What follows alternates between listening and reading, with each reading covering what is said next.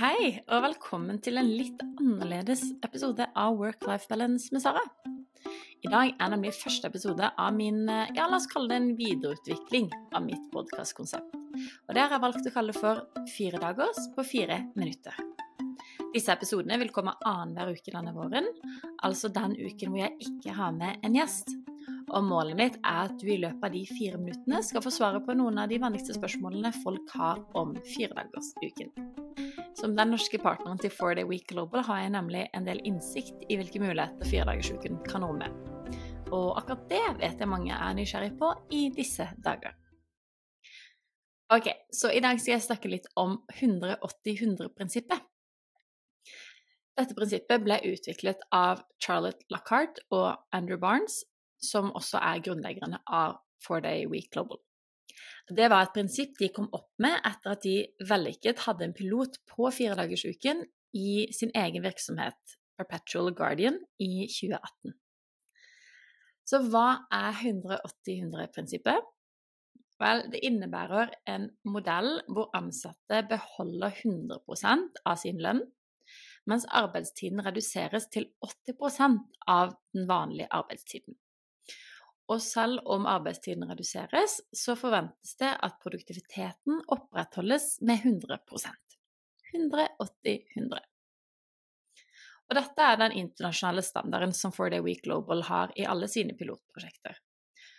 Og dette er en måte de kan hjelpe bedrifter med å formulere en rettferdig og fleksibel eh, måte å redusere arbeidstiden på, uavhengig av hvor mange timer man jobber i utgangspunktet.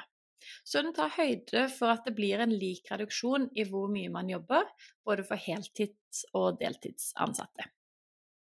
Ja, og så vil kanskje noen tenke at ja, men jeg kunne gjerne gått litt ned i lønna hvis det betyr at jeg fikk mer fritid i løpet av en uke. Men vi vet jo også at vi lever i en dyr tid. Renta stiger, matprisene stiger, og de fleste ser ikke på det som en veldig lukrativ løsning å gå ned i lønn. Så derfor er jo også 180-100-prinsippet et veldig fint svar på det behovet for å kunne ønske mer tid til å leve uten å måtte la det gå på bekostning av levestandard.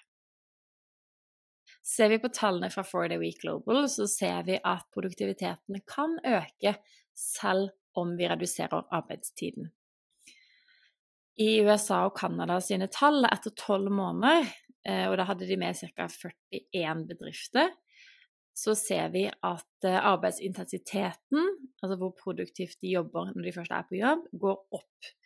Og omsetningen til bedriftene økte gjennomsnitt med 15% i løpet av disse tolv månedene prøveperiode. Altså er det mulig å følge 180-100. 100 lønn, 80% arbeidstid, 100% produktivitet. Jeg håper du føler deg litt klokere på firedagersuken.